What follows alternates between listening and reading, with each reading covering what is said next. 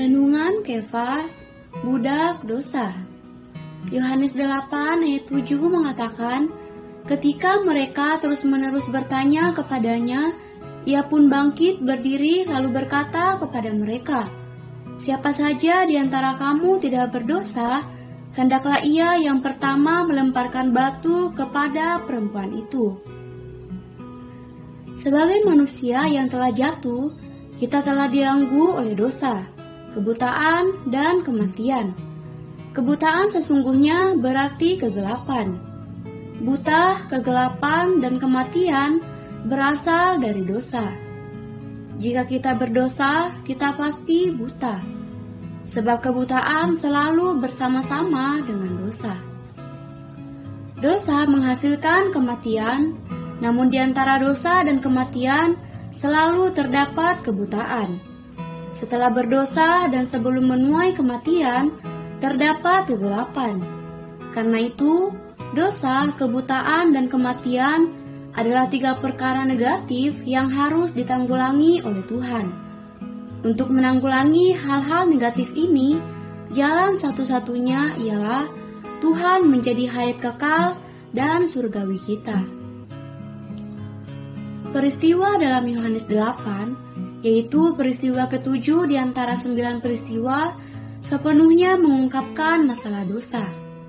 Tidak ada pasal lain dalam seluruh Alkitab yang mengungkapkan masalah dosa seluas dan selengkap Yohanes 8. Peristiwa dalam pasal 8 mewahyukan bahwa agama hukum Taurat tidak bisa membebaskan manusia dari dosa dan kematian.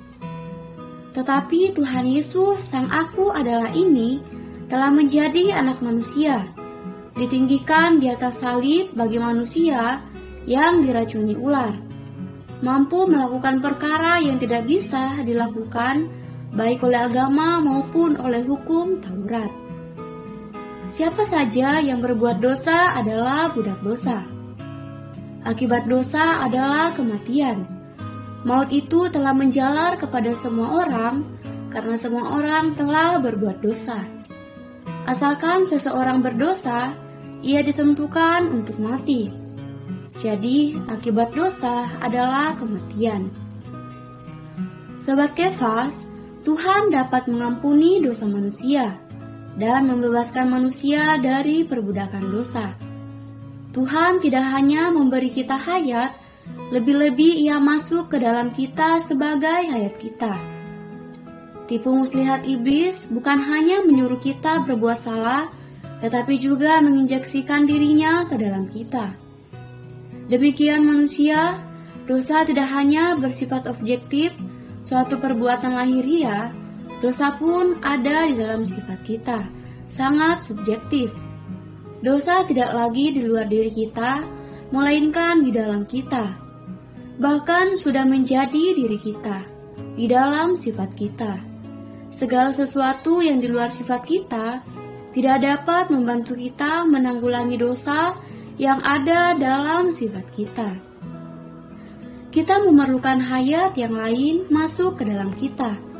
Dalam sejarah manusia, hanya ada satu orang yang dapat masuk ke dalam kita menjadi hayat kita guna melawan sifat ular yang ada di dalam kita, yaitu Kristus. Terang hari ini yang pertama, segala sesuatu yang di luar sifat kita tidak dapat membantu kita menanggulangi dosa yang ada dalam sifat kita. Kita memerlukan hayat yang lain masuk ke dalam kita. Yang kedua, hayat yang ilahi ini lebih tinggi daripada hayat manusia ia pun lebih tinggi daripada hayat iblis. Ketika masuk ke dalam kita, hayat ilahi ini mengalahkan hayat dan sifat ular. Doa hari ini berdoa Tuhan Yesus adalah pohon hayat yang menghasilkan hayat. Menyelamatkan manusia terlepas dari akibat dosa adalah mengubah maut menjadi hayat. Amin.